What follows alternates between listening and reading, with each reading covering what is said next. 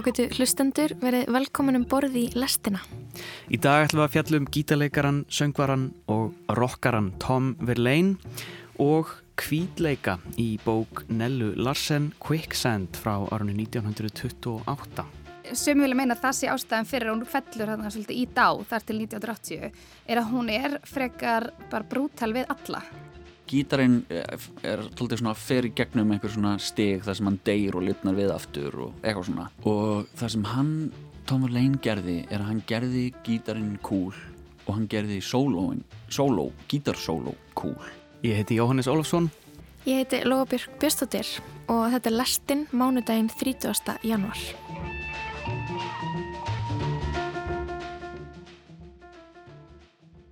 Við ætlum að byrja á bókmentum og af nýlandu væðingu og kynast reytöfundinum Nellu Larsen sem skrifaði bækur og smásögur á þriðja áratug 20. aldarinnar. Larsen ólst upp í Chicago hjá danskri móður en fadur hennar var frá Jómfrúaregjum, fyrrum þrælanýlandu Dana. Bækurinnar lýsa þeirri upplöfun að vera dökk, ekki kvít en ekki nógu svörst til þess að tilheyra samfélagi svartra. Solveig Ásta Sigurðardóttir, bókmyndafræðingur, kom í lestina til að segja frá þessum áhugaverða höfundi.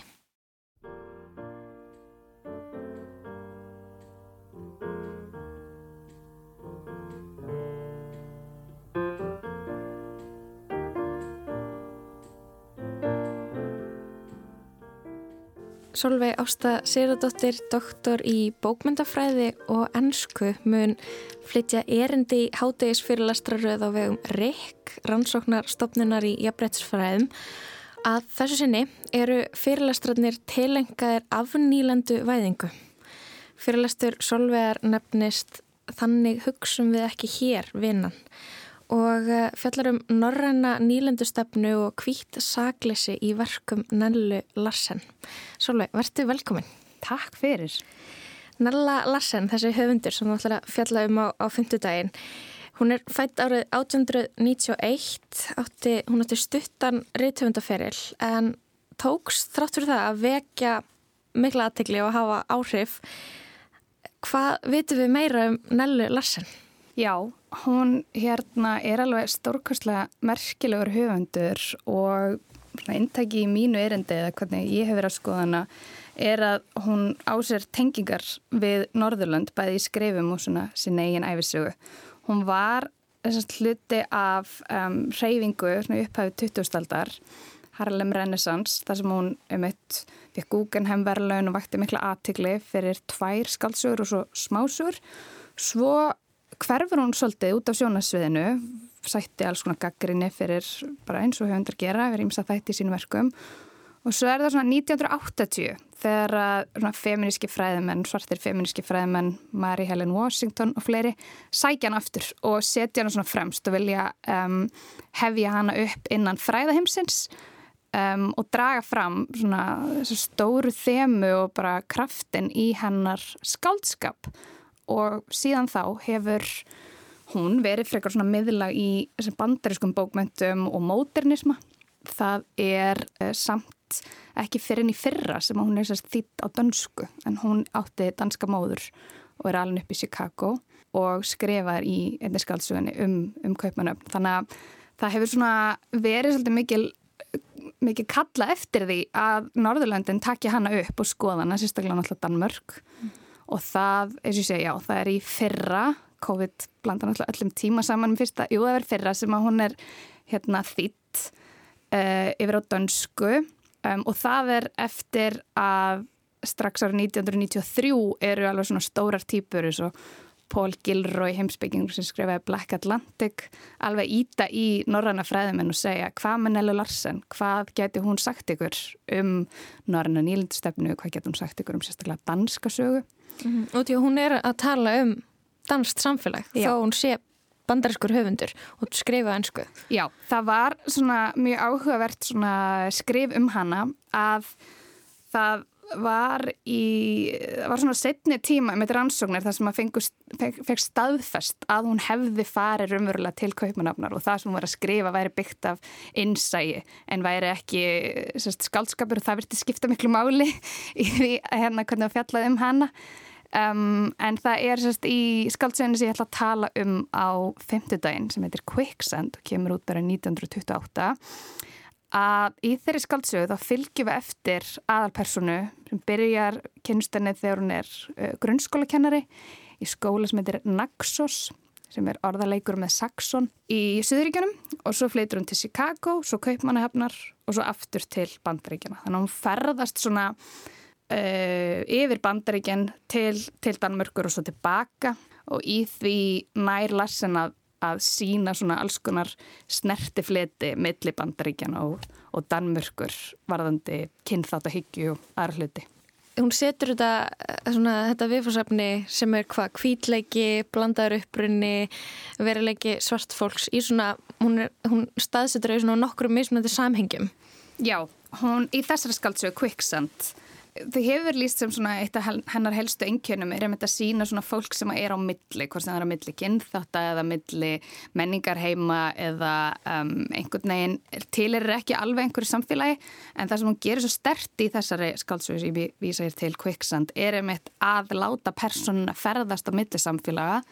Og fyrir mig sem uh, íslensku alveg på Íslandi finnst mér svo ótrúlega magnað að sjá þessari lýsingar á mitt upphæðu 20. aldar kaupmanahöfn og svona listasenunni þar og alls konar um, svona dýnamík sem maður þekkir náttúrulega í samtímanum svona þetta er nú þegar að, að aðalpersonan talar um að hún sé að verða fyrir einhvers konar uh, mörgun, kynþáttamörgun að þá segja personar neyninni við og það ekki með titillin á mínu erindi. Þannig hugsaum við ekki hér, þú ert að tala um eitthvað bandarískan veruleika mm -hmm. og svona sífælt svona þrástef um að rasismi sé eitthvað sem er í bandaríkjunum og þú er ekki að vera að yfirferra það yfir okkar samfélag. Mm -hmm. Það á, nú, náttúrulega talar mjög vel inn í svona kannski orðræðina í dag. Nákvæmlega. Það er mikið breyst kannski hundra árum.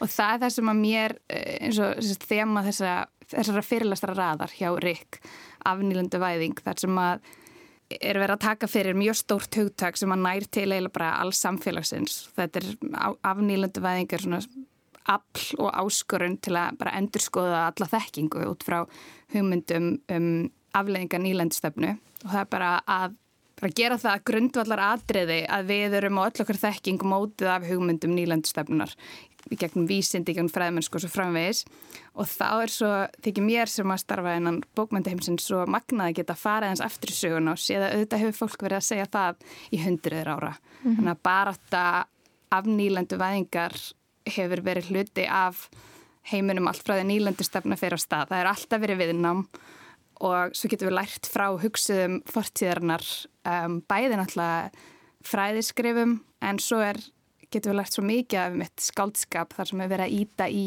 og, og snúa um, hverstaslegum atbyrðum á haus og svo framvegs. Mm -hmm, um, hvít sakleysi, hvítleiki, uh, hún, hún fer til Danmörkur, persóna og líka hún sjálf og lýsir því svona sinni upplifun af því að vera þar og upplifir það að vera eitthvað neginn svona exotísk mm -hmm. í mhm. augum dana. Um, hvað er, hvað er hvít sakleysi? Já, þetta er hugtak frá Glory Wecker sem er mannfræðingur, uh, súrnamísk og hollensk og hún um, skrifaði bók 2016 sem heitir Kvítt sakleysi.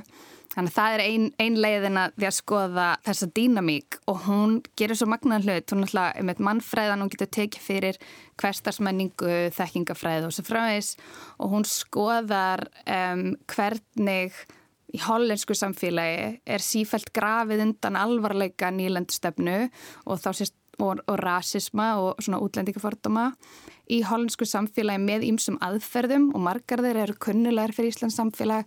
En það er til dæmis að segja við erum nú svo lítill við erum nú bara lítil þjóð í samanbyrði við starri nýlenduveldi eða eins og þetta þrástef í samanbyrði við bandaríkinn gerðum við ekki neitt sem er auðvitað ránt og, og mjög alvarlegt og hún hérna og hún tekur þessa, þessa hugmynd um að einhvern veginn að sakleysi sé eitthvað skonar gjaldmiðill sem að sé notað bæði í skipulegi samfélagsins og síðan bara milli fólks. Þetta sé svona eitthvað sem kemur upp aftur og aftur.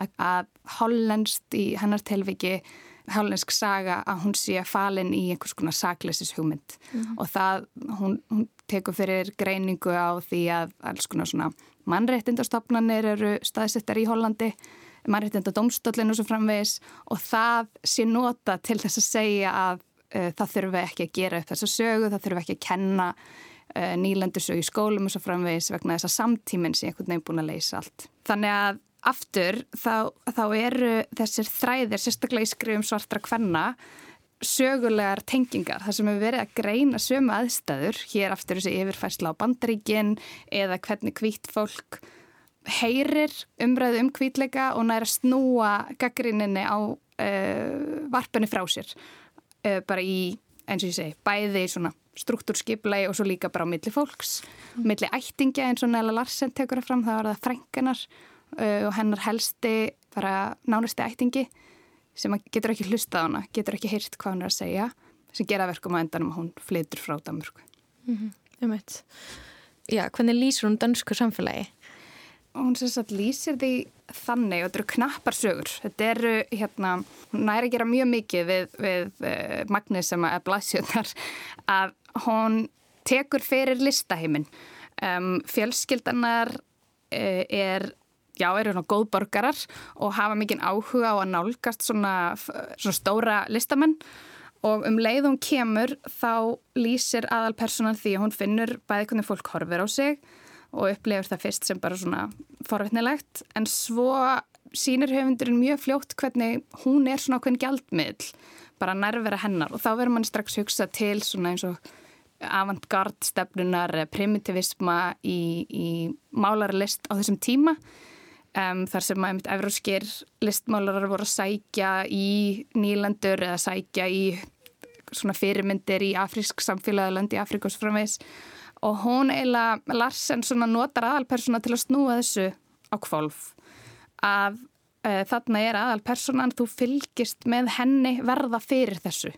Og verða fyrir alls konar aðtjóðsemtum um, aðdánar og, og svona hvernig borgin eiginlega reynir að að kleipana eða getana þannig er eiginlega svona já, samfélag er eiginlega svona eins og mannættur sko, hvernig þau starra á reyna að kleipa uh, hana hún á sterkar senur þar sem að personan lappar um borgina hún er bara út að lappa og upplifir viðhorf eða aðtjóðasemtir frá gödunni en það er samt svona eins og borgin öll sé einn persona sem er, veist, að bregðast við henni og reyna að, að geta hana einhvern veginn og síðan er það líka þessi samskipti bara á milli fólks.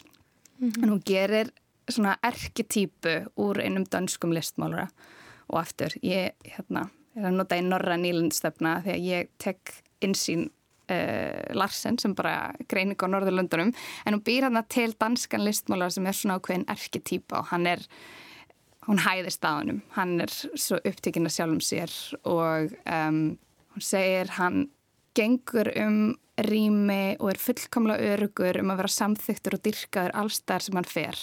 Fyrst heitlast Helga Krein, aðalpersonan af þessu sjálfsöryggi en hugsa samt. Þetta er nú frekar barnalegt og einkennilegt og eitthvað sem hún get ekki nokkuð tíman skilið. Hvernig væri að, að ganga svona um heiminn.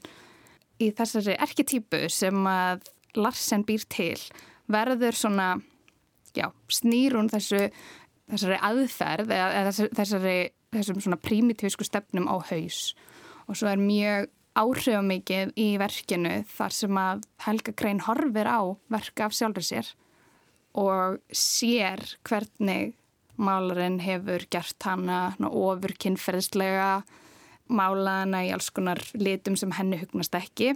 Lesandin fylgir henni eftir það sem hún segir þetta er ekki ég. Mm -hmm. og mótmælir þannig þessari sín þannig að Larsen hefur þannig gríðalegt erindi bara svona í greiningu á listasögunni og þetta er strax 1928 þannig að, já. Einmitt.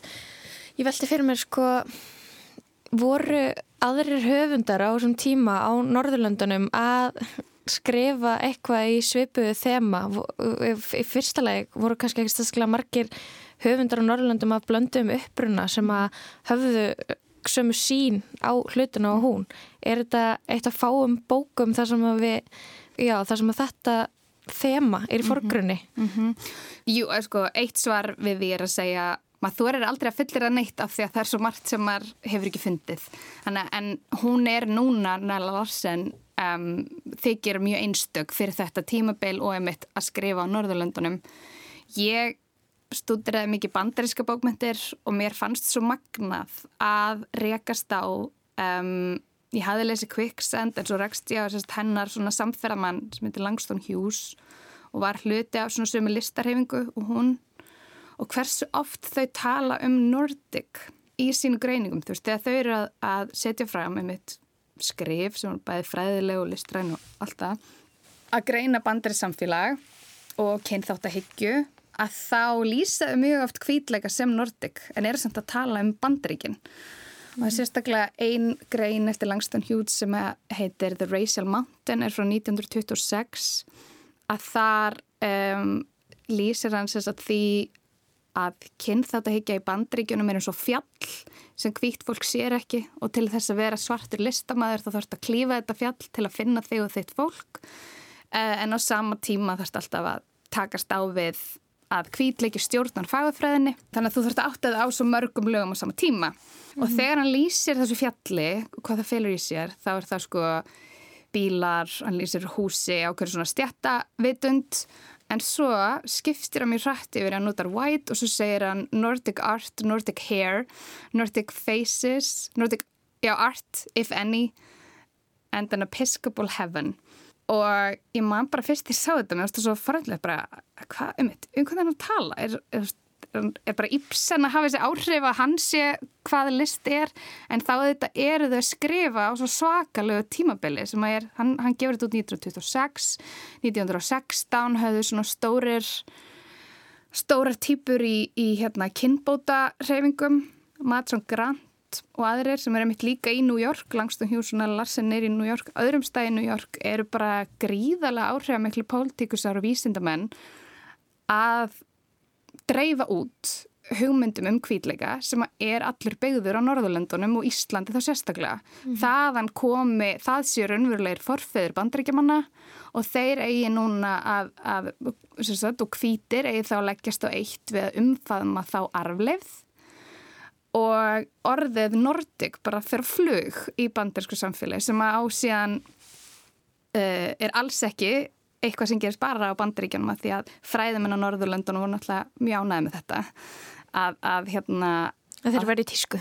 Nákvæmlega, nákvæmlega. Og hérna bók Madsson Grant er þitt bara mjög hratt yfir á norsku og norskir fræðumenn bara hæst ánæðir auðvitað með þetta og hérna búa til alls konar vísindala vettvanga fyrir um, vísindamenn og pólitíkus til að hittast nú er ég að tala langstum hjús en Lellan Lassen var líka hluti af svona reyfingu að spyrna við þessu og fá fólk til að eins að hugsa og sjá. Og ég er ekki að segja að þau hafi bara skrifað eitthvað til að fræða kvítt fólk, alls ekki en það er samt ákveðin greining á kvítleika sem byrtist í þessum verkum sem að eh, er bara á algjörlega erind í dag en er líka ótrúlega sögulega merkilegt og aftur sínir hvað fólk er alltaf að skrifa og alltaf að hérna, berjast gegn nýlendstefni rasma eða hvaða svona valda ofstæki mm -hmm. sem er og svo er alls konar þætti sem ráðiði hvort að við fáum að kynast þessum verkum og þessum höfundum. Mm -hmm.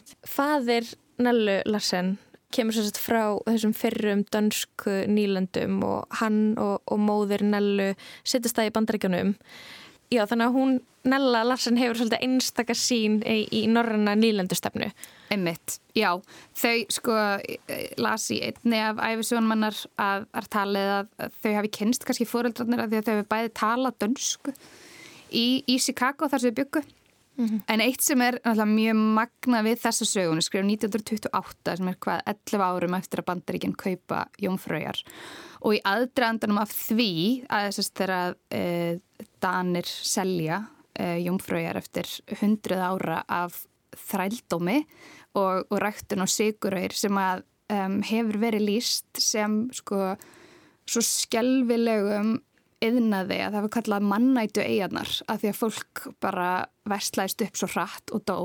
Og þetta er núna í mitt þegar hefur verið að vera að fjalla um svona sögu Danmörkur þegar voru hundra ár liðin frá þessu sölu þá voru gerðar heimildamindir þar sem að var verið að kafa ofan í hugmyndina um einhvern veginn saklausa þrælahaldara, þú veist þetta er allt svo gjörsanlega styrlað að, að maður næri ekki nokkru átt en þá hafið þess að verið við líði, hafi voru danskir svona fræðmenn að tala um einhverju hugmynd um að danir hefði einhvern veginn verið svona góðir um, þrælægundur góðir þrælægundur mm. sem er uh, fyrir það fyrsta gjörsalega umrulegt og ógislegt að segja en svo en, en síðan annað í því er að það er auðvitað bara ekki satt á nokkun hátt. Þannig að þarna 1878, mörgum árum eftir að þræla afnum í Danmörku uh, er um, sagt, bilding sem er leitt áfram vegna þeirra hræðilega aðstæðina sem að voru þá á plantikurum. Og Nella er að skrifa þarna nokkrum árum eftir þessa, þessa bildingu en það er mjög áhört að velta fyrir sér hvort að hún hafi heyrt af henni. Þegar að Larsen hefur sjálf verið í kaupmanahöfn að þá er það áður en að bandaríkinn kaupa Jónfrúegar. Það er stuttu eftir að Queen Mary er fangjálsuð og flutt og geimt í Kaupmannhöfn. Þannig að allir þessir þættir koma saman í því þegar hún lýsir hvernig það er að lappa um Norranna eh, Stórborg og upplega fólk stara á sig og, og reyna einhvern veginn að fanga sig hvort sem að það er í málverki eða í samtali eða til að skreita sig á einhvern hátt. Þannig að nýlendsagan og þrælaverslunin er allt um líkjandi og svo er það þessi, þessi magna greining á hvernig kvítleiki virkar og kvítleiki á Norðurlöndunum er þessi, sko, þessi tækni sem að þessi flókna tækni sem þarf í að afneita einhverju mm. og láta eins og eitthvað sé ekki gerast það er alveg bara greiðla flókið dæmi um, sem að hún greinir í, í skaldverkinu mm -hmm. Þessi upplifun hennar að því að vera svona exotísk í hugum Dana í, í Kaupanahöfn veist, má þá ímynda sér að, að, að þrælar Danmörkur hafi ekki enda þar á neinu tímupunkti. Dan, Danir hafi bara selgt þessar eigjar og í rauninni haldi áfram að vera svolítið einsleitt kvítt norrænt samfélag og, og þarlegandi ekki fengi mikla áminningu um skadan sem þeir hafa valdið á þessum, þessum þrælanýlendum. Það var um, að minnstakosti að vera einn höfundur sem skrifar um samfélag í New York aftur eh, fólks frá fyrrum dönsku Jómfrú eigunum sem hafi flutt sagt, til New York og er að gera upp það samfélag og skrifar þá bara mjög hart um það hvernig Danir hefði ekki gert neitt fyrir það samfélag, ekkert gert til að tryggja að borgarnir getu átt um, fengið ykkur réttindi í Danmörku þannig að það var hans greining, hann vildi meina að þau hefðu gjörsamlega bara svona aftur þessu mannætur, bara getið upp allan infrastruktúr og síðan selt áfram til bandreikjana og ekki gert neitt til að tryggja þeirra öryggi. Mm -hmm. Og bara slitið á all tengsl við þessar eigir. Og ég þekk ekki, þetta er, þetta er greining uh, þessa manns, ég þekk ekki hvort það hafi verið önnur dæmi en allavega samtíma listamenn vilja meina þessi ennþá bara gríðarlega þökkun en auðvitað er samt í Damurku um, sterkir baráttuhópar að sjálfsögðu, sérstaklega núna í, um, um, sem tengjast Black Lives Matter og öðrum. Þannig að eins og aftur svona grunnstefi því sem við erum að tala um er að fólk hefur auðvitað alltaf barist en það hefur ennþá verið bent á að það ríkir mjög mikil þökkun og, og afneitun eins og það er hérna listamennu Janet Ehlers og, og Lavon Bell talum, er nota ennþá hugtak uh, hugtakið afneitun eða minnisleysi sem tækni sem er ennþá við líði og það ætti bara að vera svona sífælt, við ættum að vera sífælt kild í magan af því að við erum að hluti af þeirri tækni og hvernig er svo tækni að hafa áhrif á okkur bara ykkur minnst degi mm -hmm. um, Hvít minnisleysi Já, nákvæmlega En nú, nú erum við búin að tala eins um sko hérna Norðurlönd í já. tengslum við hanna Nellu og, mm. og já, veru hennar hérna í Danmörku skrifinar um Danmörku sem að já, við erum kannski meira tengt því samfélagi heldur en þessu bandaríska mm -hmm. en hún var á nokkrum öðrum stöðum í bandaríkanum og, og það er sérstaklega áhugavert þetta sem við búin að minnast þess á Harlem Renaissance Getur þú sagt mér meira frá þessari stefnu í listum mm -hmm. frá þessum tíma? Þetta er uh, ótrúlega merkileg hreyfing um, og hún, hún á sér ímis ímisnöfn en, en Harlem Renaissance er svona það sem er oftast notað og það vísar til náttúrulega í New York, í norðri New York borgar uh, í upphæfi 20. aldar þar sem að hafiði flutt, það voru náttúrulega miklu fólksflutningar í upphæfi 20. aldar og sérstaklega mikið af fólki að flytja úr Suðuríkjónum, að flýja kynnt þetta ofbeldi um, og flytur norður og upp úr því um, verður til svona einmitt fræða og lista reyfing sem að átti sér síðan líka um, líka samsarður reyfingar í Chicago víðar þar sem að um, listamenn og bartfólk kemur saman og það verður uh, gríðalur kraftur í útgáfi tímarita uh, skaldsagna verka uh, og fræðimennsku einn svona nokkra líkil personur eru W.B. Du Bois sem var hérna, félagsfræðingur og bara svona einn af líkil félagsfræðingum bandaríkjana. Hann og fleiri stopna sem kalla NAACP, þetta er svona baráttu hreyfingar sem er allar að koma upp úr þessu tímabili og, og síðan eru það höfundar sem ég nefndi með Langston Hughes, Nella Larsen, Sorenil Hurston, hún er mannfræðingur en, en skrifaði líka alls konar verk, þannig að þetta er Um, þetta er tímabilið sem að mjög kröftugir uh, tekstar koma fram. Þetta er líka á tímabili módernisman og höfundar voru mjög mikið að gera tilraunir með formið og tókust á um hvort það væri of mikið eitthvað listræðum tilraunum sem að W. Du Bois saði einhvern tíman að það veri hérna, aðeins of mikið að tilraunum og, og, og lítið af skipulegri baróttu Þannig að það er að sjálfsögðu alltaf átök með hvaða, með hvaða aðfröðum þú nærð eirum lesenda. Dæmi um það er um eitt eins og ég nefndi Langston Hughes að skrifar hana grein þar sem hann tekur fyrir kynþáttafjalli. Þetta er grein sem að kemur út í tímariti sem heitir The Messenger og er um eitt dæmi um hversu ótrúlega mörg, hérna, margar tegundur af útgáfu er að koma út á þessum tíma. Það eru alls konar tímaritt The Crisis, The Messenger, fyllt af tímaritum sem að eh, svartur höfundar standa fyrir og uh, lögður svona grunninn eða margi fræðimenn vilja meina þessi barata og fræðimennska hafi svona lagt grunninn af síðan uh, borgarhefingun eða Civil Rights Movement mm -hmm. en allavega svona gríðala mikilvægir hugsuðir og listamenn uh, að gera í, í, í sko gjörsanlega grimri baráttu. Þú veist, það er hérna W.D. Boyce, hann skrifaði sko þúsundir bóka.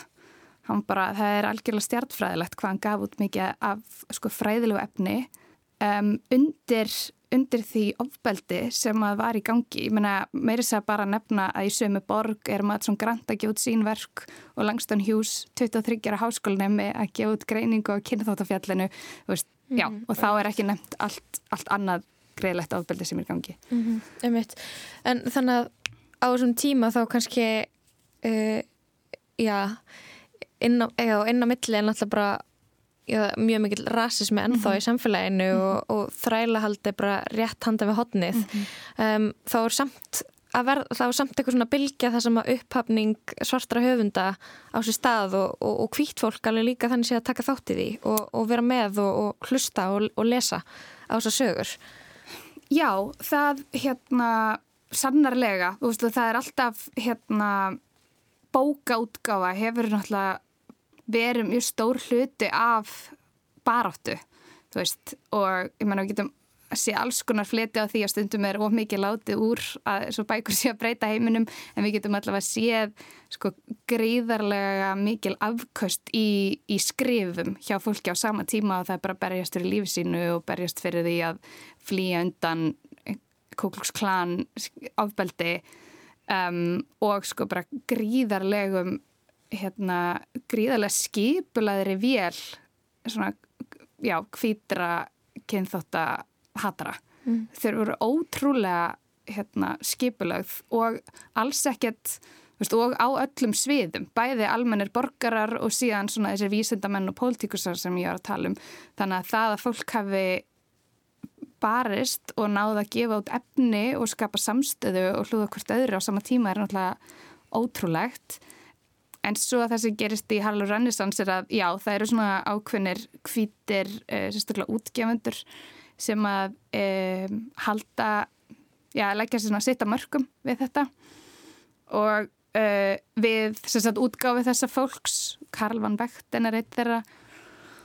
Og kemur síðan upp svo bara eh, síðan kemur upp svo staða að, að mörgum þykir Harlem vera orðin að þess að hvítir sé að koma og eiginlega vera svona að innbyrða eða koma svona til að horfa og já, kemur upp vandamálið sem að er aftur til að koma af nýlandu væðingarúttekinu vandamálið er ertu áhörfandi eða ert þú líka að leggja þetta mörkunum? Og hvernig tryggjiru að þú sért ekki að innbyrða bara sársöka eins og aðra ánægju eins og einhverja spennumynd skilur og þetta er mhm. líka gaggrinni sem að hefur verið í gangi sem er svona ofta oft með tala um í samtímanum sem að var algjörlega hluti af Harlem Renaissance mm -hmm.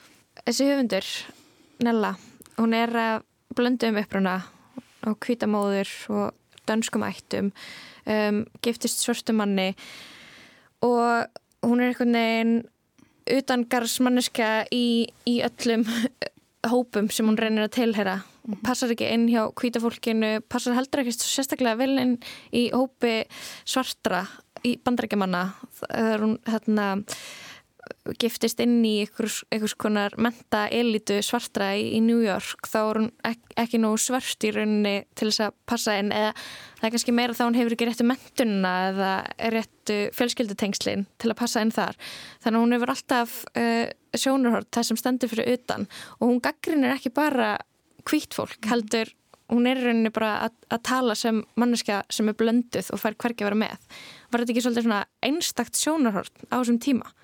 Og kannski er hann þá í dag. Já, einmitt, það er hérna mjög vel sagt sko, hún og það, sem vilja meina að það sé ástæðan fyrir að hún fellur þarna svolítið í dá þar til 1980, er að hún er frekar bara brútal við alla.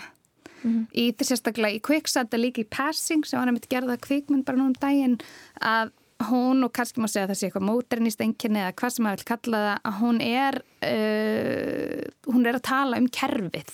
Og hún segir það aftur og aftur sérstaklega í köflun sem snúa þegar hún er kennari þar sem hún er gjörsanlega buguð að, að hugsa ég er að innræta hérna um, svo ótrúlega gallaður hugmyndir í þessum börnum.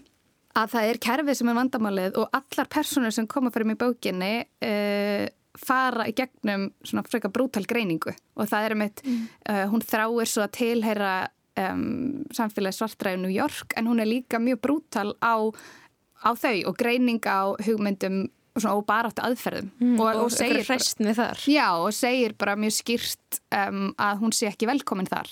Og, og þetta þetta var hlutaði af hverju hún var gaggrinda líka af hverju hún var mjög upphafinn mm. að, að fara svona bara fyrir hörðum höndum um alla og, og í því að draga fram að við, hvað við erum öll först í þessari arfleið og þessu, þessum þunga auðvitað mismiklu magni en, en hún vildi ekki draga upp einhverja einfalda mynd af neinu samfélagi mm -hmm. Ég veit Þannig að Ég veit um, og, og endanum eftir já, frekar stuttan feril, feril gefst hann upp á skrifum mm -hmm. og embetsra hjúgrun og bókusapstörfum og já, kannski vegna þess að hún passaði hverginn og var ekki svo auðvitað flokkana með hennum. Já, það er allavega mjög oft nefnt í kringum hana the mystery of Nella Larsen að fólk veldur mjög mikið fyrir sér bara hvað gerðist, hvert fór hún, hún fær hana Guggenheim Fellowship um, og já, það veit engin alveg hvað gerðist. Mér finnst alltaf bara alltaf freka magnaður en okkur nái að gefa út, að bara gefa út eina bók finnst mér aðdáravert, þannig að gefa út tvær sem eru ótrúlega hérna, áhrifamiklar er er magnað. Það þarf kannski ekkert meira. Ég veit ekki, og herðu, svo þýtti hún mjög mikið af hérna svona dönskum barnasögum. Já, ok. En, jú, vissulega, uh, fólk hefur mikið velt fyrir sér hvað kom eiginlega fyrir. Þú ætlar að segja mér frá Já. Nellu Larsen og Quicksand Já. á fymtudaginn í, í þjóðminnarsafninu í hátdeinu. Jú, akkurat. Það er ekki að kella fyrir komuna í lastina, Solveig. Takk fyrir. I wish I knew how it would feel to be free. I wish I could break all the chains holding me. I wish I could say all the things that I should say. Say loud, say clear for the whole round world I wish I could share all the love that's in my heart. Remove all the bars that keep us apart. I wish you could know what it means to be me. Then you'd see and agree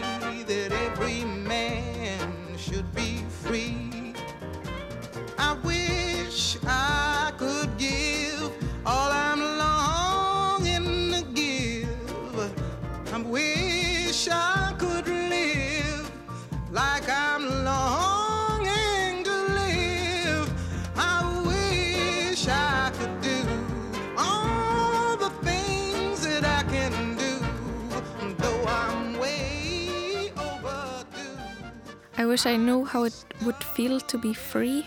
Nína Simone. Ég vildi að ég vissi hvernig það væri að vera frjáls.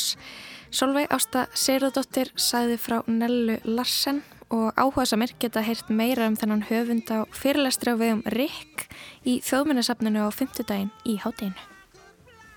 En við ætlum að uh, halda áfram í tónlist. Við ætlum að minnast manns sem að fjall frá um helgina. Bandaríski rockhundurinn Tom Verlaine í hljómsveitinni Television og við ætlum að byrja á tónlistinni.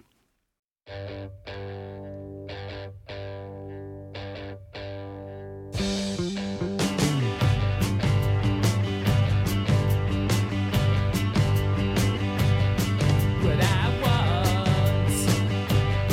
I want now. And it's a whole lot. Þetta er opnunarlægið See No Evil af plötunni Marquee Moon frá 1977 stóru plötu amerísku punksveitarinnar Television. Þarna syngur og spilar frontmaðurinn, gítarleikarin og lagasmiðurinn Tom Verlaine sem nú er allur. Tom Verlaine var sviðsnafn Thomas Miller sem fættist í New Jersey og tók hann nafnið Verlaine frá franska ljóðskaldinu Paul Verlaine. Upp úr 1972 þegar hann ásamt vinni sínum Richard Hell flutti til New York borgar hófust þreyfingar í tónlist. Þeir stopnuðu hljómsveitina Neon Boys sem reyndar var skamlíf en fengu svo til sín nýja meðlimi og urðu að Television.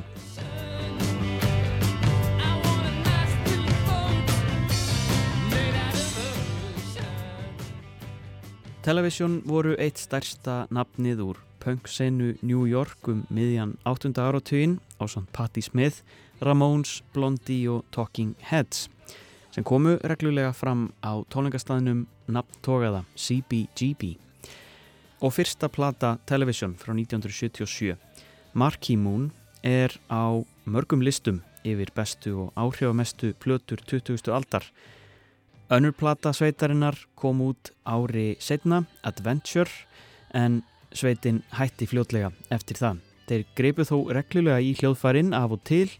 Þeir gáðu líka út þriðju plötuna sína árið 1993, auk þess sem Verlaine átti sinn soloferil og gáð út fjöldanallan af plötum. En Marquee Moon er höfuðið á þessari skeppnu með Tom Verlaine í fararbróti. Ég bauð tónlistamanninu Gunnari Jónssoni sem kenni sig við nafnið Collider í lestina til þess að ræða áhrif Tom Verlaine og Television. Í minningar orðum sem Gunnar skrifaði á Facebook stendur að þar væri verið að kveðja minnst fræga tónlistamann sem hefur haft mest áhrif á tónlistasöguna. Ég baði hana útskýra þetta aðeins fyrir mér og spurði hann út í fyrstu kynnin við hljómsutina Television. I see, I see no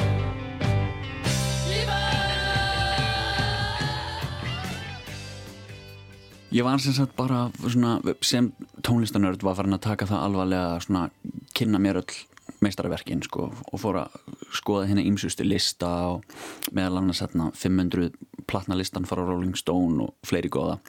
Og sérstaklega langaði mig líka að kynna með punki út af því að það var svo mikið böndum sem ég var að hlusta á sem nefndu alltaf einhverja punksveitir sem áhrifalda og þetta nafn Television og þessi plata Marky Moon poppaði upp aftur og aftur og aftur og ég bara þurfti að tjekka á þessu og eins og ég segi Uh, þetta var í gamla daga þannig að maður hafði ekkert greiðan aðgang að allir tónlist, það var ekkert YouTube til á þeim tímapunkti, þannig að ég fór á amazon.com og, og hérna, fletti plötinu upp og þar gæti maður hlustað á svona tíu sekundar brot úr lögunum á Marki Moon og hérna hlustaði hérna á 80 sekundur samanlagt, það eru 8 lög á plötunni og, og var bara þetta er frábært.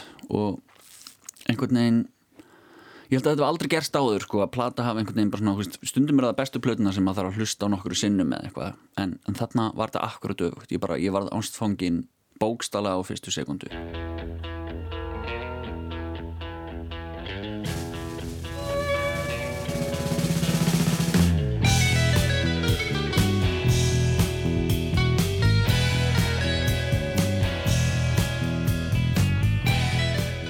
Þetta var punk en samt ekki. Þetta var einhvern veginn besta metnaðfylsta listarænasta punk sem ég hefði nokkuð mann hýrt á æfið minni.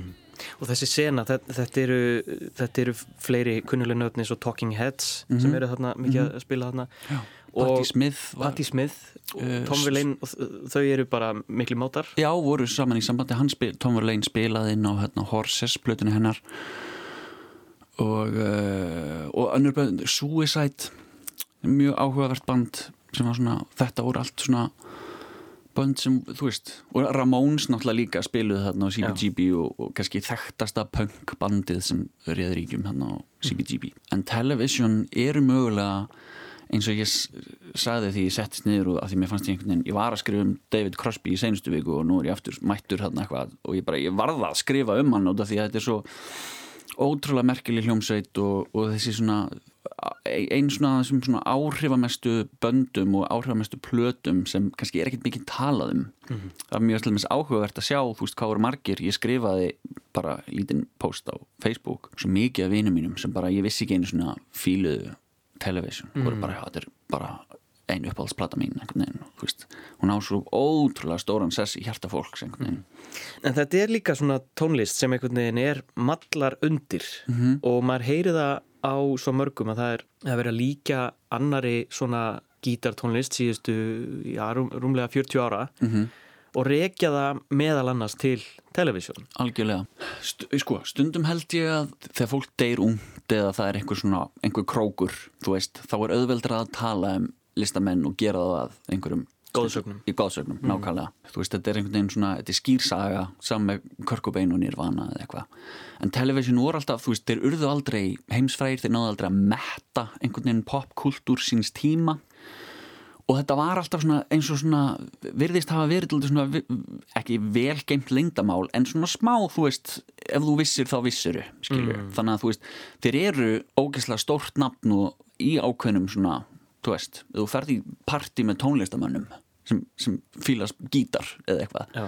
það vita allir hverju television eru og hverju Tom Verlaine eru og skilur, skilur hvað að vera að tala um sko. en á þessum skala það er einmitt svona, þú veist, þeir áttu aldrei hittara. Þetta var kannski alltaf aðeins of gáfuleg músík, ég veit það ekki sko, veist, er, það er einhver dýftana þetta er mjög grípandi og svona melodísk músík ég vil ekki nefnilega sko láta þetta hljóma eins og eitthvað argasta progg sko en það er þegar maður fer að setjast niður og pæli hvað þeir eru að gera sko. Það er ekkert hlaupið að því sko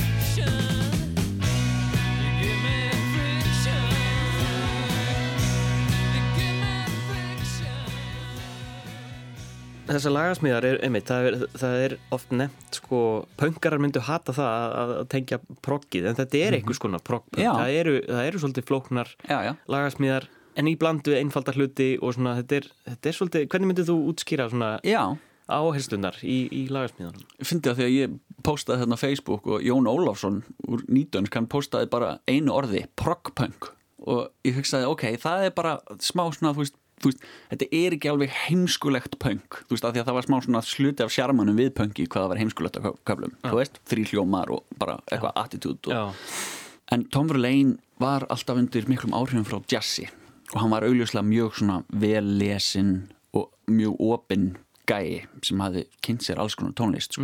þannig að ég held að honum hafi aldrei nægt að þú veist, vera hluti af einhverju ákveðni senu og bara einhvern veginn búa til það sound en já, television þeir náttúrulega eru mikil gítarhljómsveit. Það eru hann langir kablar þar sem þeir svona bara fara tóltið að leika sér sko. mér, hefur stundum fundist Richard Lloyd, hinn gítarleikarin, solo gítarleikarin hann spilar oft solo sem eru svona aðeins tæknilegri, nákvæmari oft stittri en Tom Verlaine, söngar og gítarleikari hann stundum bara svona tegir tóltið úr sér og svona spilar oft kannski bara eina nótu í marga takta einhvern veginn. Hann minnir mér stundum á Neil Young svona, þú veist, af því að Neil Young hikkar ekkert við að bara einhvern veginn hamast á einhverjum nótum og, og svona taka sér sinn tíma.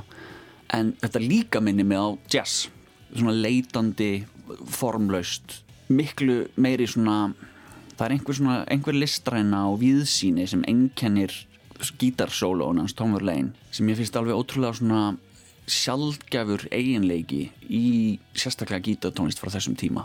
Veist ekki alveg hvar þú hefur Nei, hvar þú hefur hann? Nei. Og hvert hann ætlar? Engan veginn sko. Og af því að eins og ég segi þú veist stundum spilar hann bara eina nótu og þá getur hlustandi kannski gert þér á þeirri bara já þú veist það er þetta því hann kann ekki á gítar eða er bara einhver villisingur þú veist. En síðan þegar maður pælir í lögun hann samti öll þessi lög líka sko. Og það er alveg þú veist eins og ég segi þú veist það sem ég veist alltaf fallegt er það þegar hljómsdýr ná að gera lög sem eru flókin en þau hljóma einföld. Þú veist þau ná beint til manns þú þarf ekki að hafa fyrir því að verða fyrir hughrifum en síðan þegar maður fer að skoða það þá einhvern veginn er þetta flóknara en það leit út fyrir að vera einhvern veginn. Flóknara en struktúrin er flóknara en nautnin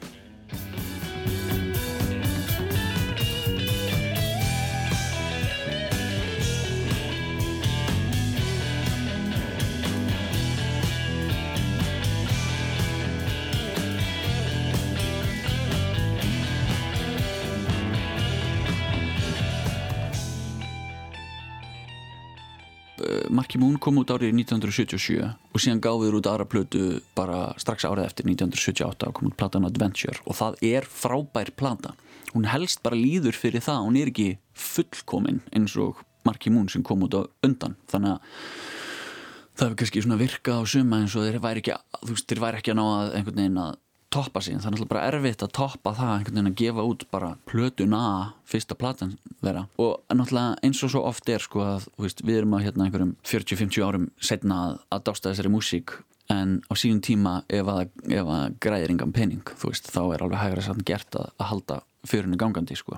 Og ég held að Marky Moon hafi ekki selst vel og ég held að Adventure hafi selst verður og þeir hættu þreim mánuðum eftir að svo plata kom út sko, þá hættu þeir í fyrsta sinn einhvern veginn og en það eru, það er sko suma bestu lögum television eru á þessari Adventure plötu frá 1978 og ég skora á alla að hlusta á hana líka. Og ég þekki fullt af fólki sem hlustaði líka á þriði plötun ég held að hún heiti bara þessi samnefnd hljómsettinni kom út 91 eða 2 einmann og ég þekki fólk sem hlustar á það plötu og finnst hún mjög góð sko. Og, og hérna, en það bara einhvern veginn þau bara einhvern veginn náðu aldrei að einhvern veginn fangað það þeir fönguðu á Marky Moon að mínum viti en þú veist alltaf, alltaf góð tónlist og sólóferill Tom Verlaine þykir mjög góður sko. það er held ég svona það næsta sem maður þarf eiginlega svona að sökka sér í sko, því ég hef bara hlusta á einhver svona einstakar lög af því sko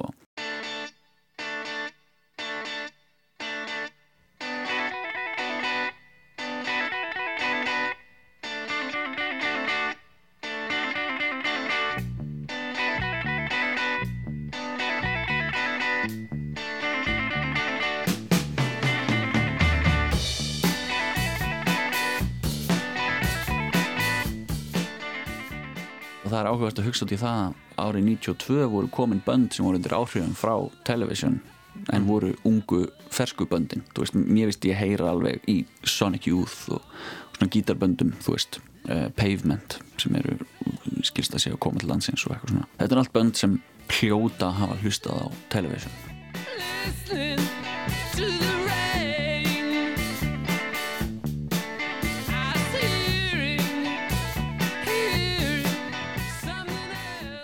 En einmitt þessi, þessi áhrif uh, sem eru svona kræmandi undir uh, hljómsveitar eins og The Strokes hafa verið nefndir í, í, í þessu samengi -hmm. en svo hefur maður líka lesið að, að þeir vilja ekkit endilega kannast við að, hafa hlusta mikið á televisjón Nei, en þú þeir veist, eru að ljúa þeir eru, Þeir eru mögulega pottet að ljúa ég, hérna, að að ég man bara því ég heyrði television fyrst ég bara, ah, nú, nú skil ég þú veist, nú skil ég Strokes aðeins betur þeir voru nefndir í sömu andra og Velvet Underground og eitthvað svona en þeir hljóma, þeir hljóma miklu meira eins og television og hérna og ég, maður kannast líka við þetta sko, ef að listamenn er undir ómiklum áhrifum þá þóra þeir ekki að viðurkenna það í viðtölum sko. þá velja þær alltaf hitt bandið sem er einhvern veginn, einhvern veginn Minna hljóm, þekkt. hljóm, já, hljómar aðeins minna eins og, eins og þeir og eitthvað svona Já. Og þú segir einmitt sko minnst, minnst frægi tónlistamæðurinn sem hefur haft mest áhrif á tónlistasöguna.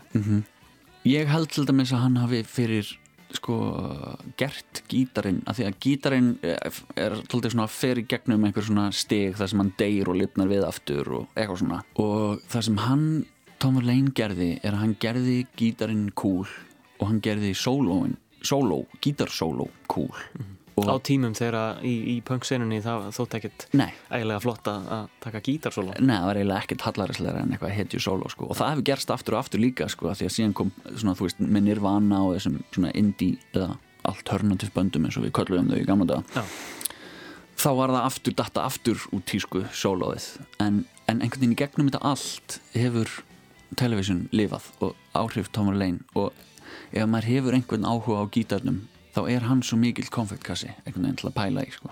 það eru held ég svona hans, hans arfleið er að hann, hann, hann glætti gítarinn einhverju lífi og, og, og gerði og þú veist, pönkið er ekki heimskulegt einhvern veginn, hann svona einhvern veginn leisti úr alls konar svona flækjum þú veist, og, svona, þú veist, það er svona mótsagnir einhvern veginn í television sem eru svo skemmtilegar að því leitinu til þetta er pönk en þetta er gálegasta pönk þú veist, þú getur spilað þetta fyrir einhvern tónlista, progg tónlistamann eða eitthvað sem hlusta bara rush og hann, hann getur ekki sagt að þetta sé ekki vel samin tónlist, skiljur ég hef alltaf haft gaman líka tónlistamennum sem opna dyr í allar áttir þú veist, með tónlistinni sinni og þá oft skiptir ekki allir máli hvort að tónlistin svo tiltekna tónlist sé góðið að lifi á meðan hún virkilega svona beinir mann í allar áttir sko. og ef þú virkilega sekkur inn í television þá verður auðveldra fyrir þig að kynna þér fransku ljóskaldin og það er auðveldra fyrir þig að, hlusta á Ornette Coleman og það er auðveldra fyrir þig að einhvern veginn hlusta á tíu mínúna gítarsólu frá Neil Young og einhvern veginn, þú veist.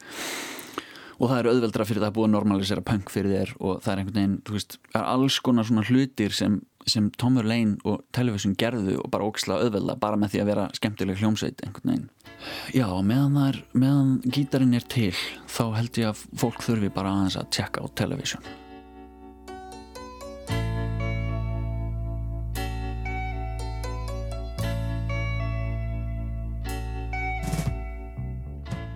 Þetta er lagið Carried Away, lag af setni plötu Television Adventure.